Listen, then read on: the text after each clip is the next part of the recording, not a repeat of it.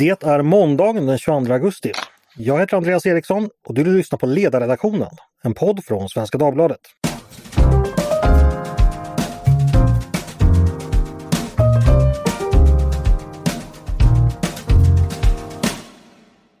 Varmt välkomna! Det är 20 dagar kvar till valet nu och 20 nätter att ligga sömnlös över hur det ska gå. Hur kommer det egentligen att gå? Vad sker just nu, just nu där ute bland oss väljare? Vad tänker vi på? Och hur tänker vi när vi bestämmer oss för vilket parti vi ska rösta på? Det ska vi prata om idag och med mig för att göra det har jag Per Rosenkrantz, före detta opinionschef för Moderaterna, numera konsult på Nordic Public Affairs och Kalle Melin, fil.doktor i statsvetenskap och forskningschef på tankesmedjan Futurion. Varmt välkomna båda två! Stort tack! Tack! Tack! Eh, ska börja med läget idag, mindre än, eh, än tre veckor kvar alltså. Eh, hittills har Sifo hunnit publicera ett antal undersökningar efter sommaren i svenskan. Novus har hunnit med två efter sommaren och jag tror Demoskop också har hunnit med två stycken. Eh, det spretar åt lite åt olika håll. Så jag tänkte börja med dig Kalle. Vad, vad, skulle du säga utifrån de mätningar vi har sett? Vart blåser egentligen val, valvinden? Hur mycket vet vi om det?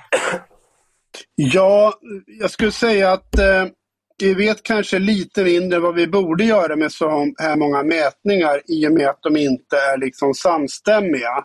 Men det jag skulle säga att vi nog vet, eller har goda skäl att anta, det är att det är en liten, men verkligen liten ledning för eh, Magdalena Anderssons regeringsalternativ. Och det bygger jag inte liksom på en enstaka mätning utan det bygger jag på ett snitt av de mätningar som har redovisats. Men det är tillräckligt lite så att det kommer liksom inte behövas en game changer för att det ska bli ett annat valresultat. Utan det kan handla om, om hur det går i en viss utfrågning eller om det händer en extern nyhetshändelse eller någonting sånt. Vi vet också att eh, Moderaterna och Sverigedemokraterna är relativt jämnstora. Och även om jag skulle, skulle jag sätta pengar så skulle jag sätta på att Moderaterna blir större än Sverigedemokraterna. Men jag har sett för många mätningar där Sverigedemokraterna är jämnstora eller något större för att vara säker på detta. Jag tror mm. också mm. att Liberalerna och Miljöpartiet ska vara lite mindre säkra på sina riksdagsplatser än vad kanske en del av mätningarna har visat. Okej, höjer ett varningsfinger där. Eh, vi kanske återkommer till det. Vänder mig till Per så länge. Det är lite olika bud nu, eh, framförallt mellan Novus och Sifo. Då skiljer det faktiskt 5% både när det gällde Socialdemokraterna och eh, eh, Sverigedemokraterna. Det är väl ganska spektakulärt. att det, Har vi sett sådana skillnader tidigare inför ett val? Mellan mätningar menar jag.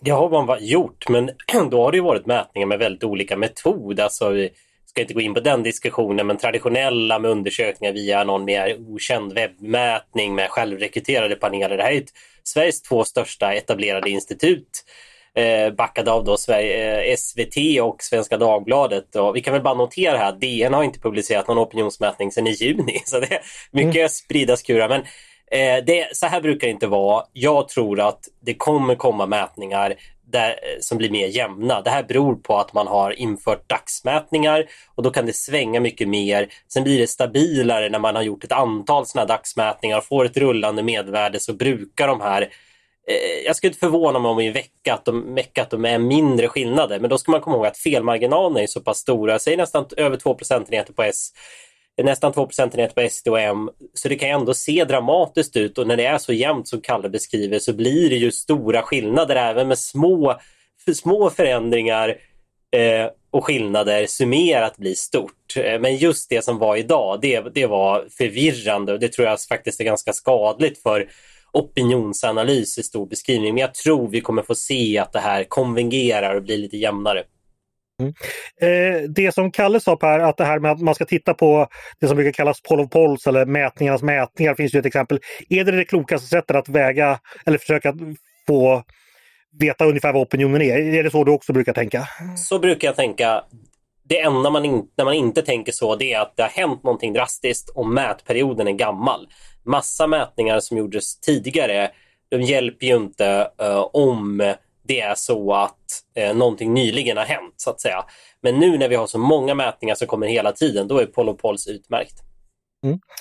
Eh, tänkte gå in på det som händer mest nu i, i vad politikerna gör och vad partierna gör. Som jag tolkar oppositionen, Kalle, så vill de dels visa enighet eh, och de vill tala brott och de vill tala energi och kärnkraft. Eh, är det den, din bedömning av vad som pågår på den sidan och hur bra tror du det biter på väljarna just nu?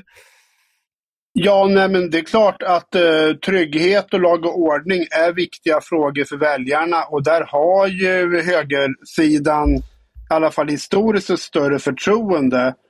Så det är väl inte alls orimligt. Och det är klart att vi har en knepig situation med höga elpriser. Sen kan man diskutera skuldfrågan. Men det är klart att eh, eftersom det är en viktig fråga för många, inte minst villaägare, så det är väl inget konstigt. Jag tycker att eh, högeroppositionen agerar ungefär som de logiskt borde agera utifrån de frågor som är viktiga. Mm. Och Per, om du får kommentera regeringssidan så handlar kampanjen återigen, som jag tolkar den, mycket på att peka på fara med att släppa in SD, att man försöker få marginalväljarna att så att säga, ja, undvika det. Eh, stämmer det med din bild också och hur tror du det biter på väljarna? Ja, jag ser, jag ser två parallella kampanjer. Den ena kampanjen är precis som du skriver, den riktar in sig mot Liberalerna. där vi, har, vi vet att det här valet kan avgöras av om mittenväljare väljer mellan Liberalerna och Centerpartiet. Och då försöker man särskilt kanske i sociala medier och medialt att skrämma dem väljarna. Precis som man gjorde med Centerpartiet inför förra valet så försöker man nu göra med Liberalerna. Men det är ju inte den kampanj man har mot andra väljargrupper. Vi vet att det här valet också avgörs och det ser vi bara på Sifo och Novus nu senast. Hur ser, stor, hur ser flödena ut mellan SD och S? Det flödet finns fortfarande. Så jag tror inte när man är ute och knackar dörr för Socialdemokraterna eller affischerar eller inlägg riktat mot LO-män. Då, då tror jag inte man har annonser som handlar om hur hemskt det är med SD-inflytande utan riktar man in sig på sakfrågorna. och, eh, så det är, det är lite grann två parallella eh, kampanjer och vi också tycker jag att Socialdemokraterna gör det ju väldigt bra så tillvida att man frontförkortar ju allt det som Moderaterna och deras parti vill göra kring samarbetsparti vill göra kring lag och ordning eh, och så vidare. Elsituationen i Sverige. Då kommer Socialdemokraterna två dagar efter eller ibland en vecka med ett liknande utspel eh, för att sätta agendan. Så man tar ju verkligen, man försöker ta bort alla konflikter, de konflikter som Carl Melin här eh, identifierade som är liksom styrkan för oppositionen. De försöker man ju frontutkorta. Så det är två parallella egentligen valkampanjer från S. Så hänger man väldigt mycket på Twitter, vilket jag själv gör ibland, då kanske man ser väldigt mycket av den här eh, anti-SD-kampanjen. Men det tycker jag inte är den generella kampanjen som Socialdemokraterna driver. Mm, jag är själv Twitterskadad kan jag avslöja. Eh, Kalle, en fråga till dig. Många, däribland jag, har, hade förutspått att plånboksfrågor och ekonomi och de här vanliga eh, alltså höger-vänster-frågorna skulle bli viktigare och att brottslighet och invandring skulle försvinna lite när vi kom närmare valet. Har det skett? Kan vi se någonting om det? Att liksom väljarnas plånböcker börjar avgöra mer eller vad tänker du om det? Alltså det är klart, jag menar om det som Per säger, Socialdemokraterna har flera kampanjer. Det är klart att eh, pensionsfrågan är en sån som kommer nu. Man eh, har väldigt mycket kommunikation kring den här pensionshöjningen. Eh, man pratar om arbetslöshetsersättningen som ju är viktig för väldigt många. Inte minst medelinkomsttagare. Så det är klart att det finns, och man försöker ju från båda håll liksom hantera människors oro för ja, elpriser och liknande. Så det är klart, plånboksfrågorna skulle jag nog säga, kanske till och med, det är inte så mycket löften om skattesänkningar och barnbidrag. Men det är andra typer av plånboksfrågor som typ pension, a-kassa, elpriser. Mm. Eh, Just det. Eh, en fråga. Eh, väljarna har ju eh, i de undersökningar man gjort uttalat ett högre förtroende för Magdalena Andersson än för Ulf Kristersson. Eh, och det har ju varit ganska tydligt ända sedan Magdalena Andersson eh, eh tillträdde. Vad tror ni att, hur viktigt är det, statsministerkandidaternas syn? Om vi börjar med dig Per. Men det, det är jätteviktigt, självklart. Men samtidigt, det vet jag själv när man var med i valrörelsen 2014. Fredrik Reinfeldt hade över 50-procentiga förtroendesiffror. Eh, och eh, Stefan Löfven hade runt eh, 30 någonting så. Och, och, man, och då vann också Fredrik Reinfeldt de flesta debatter och så vidare. Men väljarna vet ju att man röstar ju faktiskt inte på en president utan man röstar på ett regeringsalternativ. Men ja, självklart en jättestyrka att med Magdalena Anderssons förtroendesiffror men eh, flera valrörelser har visat att det, brukar, det räcker inte med bara det utan det handlar ju också om de här sakfrågorna och om vilka andra partier man ska genomföra politiken med. Så att det kan finnas en fara att bara Eh, liksom det är väldigt lätt tänkt, särskilt i regeringspartier. Man, många inspireras av de här Merkel-kampanjerna man till slut bara hade stå, två stora ögon. Mm. Eh, som man såg. Eh, eh, eh och, eh, ja, men så ja, det, det är lätt att...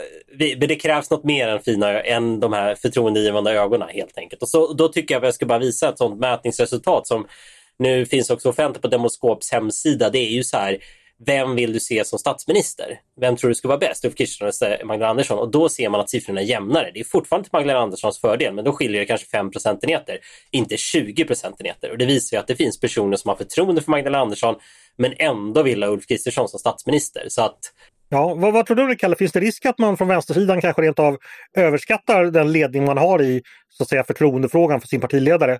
Och att, men det, att det inte blir det är inte en given framgång bara för det? Nej, men jag tror att det är precis som Per säger. Det är klart att eh, du har mycket hellre en partiledare med stort förtroende än en partiledare med litet förtroende. Men de flesta väljare är ändå hyfsat lojala eller knutna till ett politiskt block. Och eh, det, det, är klart att bland den här lilla, lilla gruppen som kommer att avgöra regeringsmakten i ett sånt här jämnt val, om det är 2-3 procentenheter som är väldigt liksom osäkra, Eh, Eh, det är klart att om en, om en stor majoritet av dem har större förtroende för Magdalena Andersson, då kan ju det avgöra i ett jämnt val. Men vi vet i Sverige att det är partierna och politiken som är det viktigaste. Men alltid, alltid hellre en populär än en impopulär partiledare. Det är klart. Eh, per, jag tänkte bara eh, gå tillbaka lite till när Karl beskrev läget i början så sa han att det, det, var en liten men ändå dock ledning för vänstersidan. Men den är så liten så att det kommer inte krävas en game changer för att det, vi får ett helt annat resultat. Är det din bedömning av opinionsläget också ungefärligen? Ja, jag tycker faktiskt det stämmer. Det, man kan väl tillägga, då kan man ju också säga att det är jättejämnt helt enkelt. Eh, mm. Och, och, jag vill bara flagga in det scenariot. Eh, Henrik Ekengren Oskarsson på SOM-institutet, den nya valnestorn här i Sverige. Han, alltså ett tag såg det så jämnt ut så att vi skulle kunna närma oss ett scenario där vi på valnatten inte har valresultatet. Vi måste invänta de postala rösterna. Och det där har ju väckt ett litet hopp på den eh, högra sidan i och med att vi vet att utlandsrösterna eh, stark fördel för bland annat Moderaterna från den senaste statistiken som är från 2014. Men i alla fall, så det, det visar väl lite hur jämnt det är. Men jag, sen ska vi lägga till, Karl nämnde också det här med Sverigedemokraterna. Man, absolut, nu börjar det jämnas ut här och det visar ju att underliggande har tror jag, inte den här ekonomifrågan slagit igenom så som, stort som många tror. Utan problemformuleringen kring invandring och lag och ordning finns där. Och jag har sett lite så öppna svar kring vad pratar om när du pratar politik senast och många av de sam samtalen på väljare på högkanten handlar om det fortfarande så att säga. Och det är klart att SD där har en stark pro profil och position men inför förra valet i sju av tio mätningar så var Sverigedemokraterna större än Moderaterna. Och Moderaterna blev ändå större på valdagen. Så jag skulle absolut sätta min, eh, mitt belånade, min belånade lägenhet eh, på, på, att Moderaterna blir det även denna gång. Även om det kommer komma mätningar när vi har de felmarginaler och de rörlighet vi har där SD är större än M. Men så såg det även ut inför förra valet. Samtidigt så ska man väl bara notera att det var ju ett antal institut som låg extremt långt bort från valresultatet sist. Och det var ju mm. ofta i dem där Sverigedemokraterna kunde ligga uppåt 25 procent. Nu är det ju mer jämnt mellan partierna även hos de institut som vi normalt sett har lite större förtroende hos. Jag tänkte fortsätta, eller Per, vill du lägga till något där? Nej, kan vi bara lägga till, och det, är så, så det är en intressant faktor att vi vet ungefär snitt felavvikelsen på instituten på deras sista mätning innan valet som är väl samma vecka ungefär, mot för valresultatet. Och den var i genomsnitt vid förra valet ungefär en procentenhet per parti, i genomsnitt alltså. Så ungefär 8 procentenheter fel som du får fördela ut. De bästa instituten de var väl nere på 0,6-0,7. Så tänk in det när ni ser mätningarna nu. Även om det skulle vara så att säga den bästa prognosen just nu så kommer det, det är ganska många procentenheter fel man kan fördela på de olika partierna det registrerar också på något sätt vis hur jämnt det är. Vi kommer inte ha ett facit förrän, ja, förrän i 11 september helt enkelt. Mm.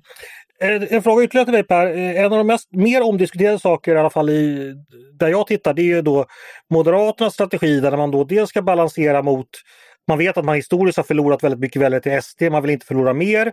Därför ligger man i frågor ganska nära SD.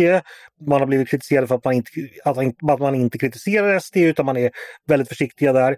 Samtidigt som man då har de klassiska blockbytarväljarna i mitten att förhålla sig till där man då så att säga, tycker vissa då skrämmer bort dem. Hur tycker du M har klarat den balansgången mellan att liksom dels hålla tätt högerut och dels fortfarande vara ett attraktivt val för de väljarna som kanske står mer i mitten? Bara tillägg där, jag tror inte att det handlar så mycket om att man vill, ibland framställs det som att man vill ställa sig in hos SD. Det handlar väl inte om det, utan det handlar om att man vill ha ett tydligt regeringsalternativ. Och i en valrörelse när det är tre veckor kvar, bästa sättet att få ett otydligt regeringsalternativ det är ju att hoppa på dina koalitionssamarbetspartier. Eh, så mm. det är därför man håller det där tätt tror jag. Eh, men du har rätt, det där är en balansgång och eh, den efterfrågan det finns från vissa väljare att ta, ta avstånd. Ja, det landar ju till slut i en förtroendefråga. Kan man lita på intentionerna? Kan man lita på att man gör det man säger så att säga? Eh, och ja, då, det är väl det är till slut det. Man, man måste ha faith, eh, till, tilltro som väljare och det är det Moderaterna måste luta sig på. Jag tror inte på det här att när det är så kort tid innan valet liksom börja rita upp olika typer av röda linjer. Man har en röd linje, SD ska inte sitta i regeringen. Eh, SD, Åkesson har själv sagt i intervjuer att han, eh, han inte kräver att sitta i regeringen utan kräver sakpolitiskt inflytande. Då får väljarna lita på det eller inte. Jag tror att det är svårt att har man den tilltron så har man den. Har man den inte så eh, om man sätter sig i partiets position, Moderaternas position, det är ganska svårt att få någon som inte har den tilltron att få den. Och det är såklart ett problem i det här valet, men det är, det är den situation man befinner sig i. Mm. Eh, Kalle, från din, ditt eh, perspektiv, hur tycker du Moderaterna har klarat sig i att eh, balansera olika väljargrupper och eh, budskap? Nej, men jag tror, att, jag, jag, tror väl att man kunde tycka att Moderaterna borde gjort något annat. Jag tror att Moderaterna, jag, jag förstår att man inte hoppar på Sverigedemokraterna i slutspurten. Jag tror dock att Moderaterna hade kunnat vara bättre på att tydliggöra balansgången där man samtidigt säger ja, vi behöver ha samarbete med Sverigedemokraterna för att bilda regering. Men samtidigt kanske vara lite tydligare med vad det är man inte gillar med Sverigedemokraterna. Den balansgången skulle man möjligtvis kunna ha gjort lite annorlunda. Sen tror jag, men i det läge vi är tror jag inte man kan göra så mycket annat. Det är uppenbart så att Moderaterna också gör kalkylen att man offrar en del väljare i storstäderna. Jag menar Moderaterna har kanske halverats på 12 år i Stockholms kommun därför att man har tappat en typ av väljare som ogillar Sverigedemokraterna men förmodligen gör man bedömningen att eh, man hade tappat ännu fler väljare nationellt om man hade gjort på ett annat sätt. Jag vill inflika att jag tror inte att man har gjort jag, jag ser inte emot själva kalkylen, jag ser inte att man har gjort den kalkylen, utan det man har gjort är att vi ska vara oppositionsledare i Sverige. Då måste vi ha ett regeringsalternativ. Det lärde oss året under decemberöverenskommelsen. Hur ska vi få det regeringsalternativet? Ja, det här är det sättet. Sen får det en massa rörelse, det får en massa konsekvenser, men man börjar nog i hur man ska formulera ett alternativ till en socialdemokratisk regering och då är det det alternativ som står här. Jag, vill, jag tror inte man har gjort den här, ja, vi struntar i de här väljarna på Södermalm för vi har Brunflo. Det, det, sen kanske det blir så, men det, är inte, det var inte målet utan det var i så fall eh, eh utfallet man lagar efter läge. Hörrni, vi ska ta och runda upp. Jag skulle vilja höra er bedömning av vad kommer avgöra under de här sista veckorna och hur kommer det gå? Eh, ni får vara så precisa som ni, ni vågar. Om vi ska börja med dig, dig Kalle. Jag tror fortfarande att Sverigedemokratfrågorna kommer att spöka för Liberalerna. Men sen tror jag att det är så jämnt så att det kommer att knyta ner till dels förtroendefrågan mellan statsministerkandidaterna eh, och dels vilka vanliga nyheter, brott, skjutningar, elpriser, eh, ryska attacker på Ukraina och så vidare. Alltså dag, dagordningen kommer vara viktig i ett så här jämnt val. Mm. Och Per, eh, samma fråga till dig. Eh, vad kommer att avgöra under de här sista 20 dagarna och hur kommer det gå? Regeringsfrågan. Eh, den ökar alltid mot slutet och eh, då har högersidan sina utmaningar, men det vi har sett under valrörelsen som har gjort en ny dynamik, det är ju såklart att fokus läggs på hur ska Magdalena Andersson få ihop sitt alternativ med Vänsterpartiets krav och Centerpartiets krav. Och det tror jag till exempel imorgon är väl SVTs utfrågning då kommer det säkert vara väldigt mycket mot, med Magdalena Andersson på den frågan och det kommer ju också växa i partiledardebatter. Och det kommer på nästa punkt, det tror jag är debatterna. De brukar vara viktiga. Eh, det är väldigt många väljare eh, som tittar på de här sista debatterna och ja, de ligger sent. De flesta väljare har bestämt sig eller till och med röstat då, men de som inte har bestämt sig Ja, de bestämmer sig sista veckan och det finns många osäkra väljare så partiledardebatterna är jätteviktiga. Och sen, och det knyter väl an det Kalle säger, ja, sakfrågorna och det är väl ett utfall av vad som händer i omvärlden. Om elpriserna tar iväg ännu mer. Nu kommer riksbankshöjningen av räntan efter valet då, det kanske skulle ha påverkat lite mer. Men vilka, hur ser den här slutgiltiga sakfrågan ändan ut? Vi såg till exempel miljöfrågan på väg upp och då lyftes Miljöpartiets siffror. Kommer det vara så på valdagen eller inte? Är det inte så så kanske de faktiskt åker ur och så vidare för de övriga partierna. Så det är väl de tre punkterna. Hur det kommer gå? Ja, det är hjärta eller hjärna eh, i en mix då. Nej, men det, det Sverige kommer få en regering. eh, eh, ja, jag, jag, det kan jag, ta jag, några veckor. kan Nej, men eh, sakfrågeagendan talar för att Ulf Kristersson blir statsminister. Eh, sex av tio väljare uppfattar att Sverige är på väg åt fel håll. Det talar för att Ulf Kristersson blir statsminister. Ekonomin går negativt, det talar också för. Sen finns det en antal andra faktorer som vi har diskuterat här som talar emot. Men det är de tre faktorerna som talar för. Många valforskare internationellt och så, om man skulle fråga en kampanjstrateg i USA, då skulle de säga att de tre faktorerna borde räcka. Får väl se om de gör det. Vi får se helt enkelt. Eh, stort tack Kalle Melin och Per Rosenkrantz för att ni ville komma och prata med mig idag. Tack, tack så mycket. Och tack till er som har lyssnat också på Ledarredaktionen, en podd från Svenska Dagbladet. Hör jättegärna av er till oss med eh, tankar och synpunkter på det vi har precis diskuterat. Eller om ni har idéer och förslag på det vi ska ta upp i framtiden. Då är det bara att mejla till ledarsidan snabel svd.se. Dagens producent heter Jesper Sandström. Jag heter Andreas Eriksson och jag hoppas att vi hörs igen snart.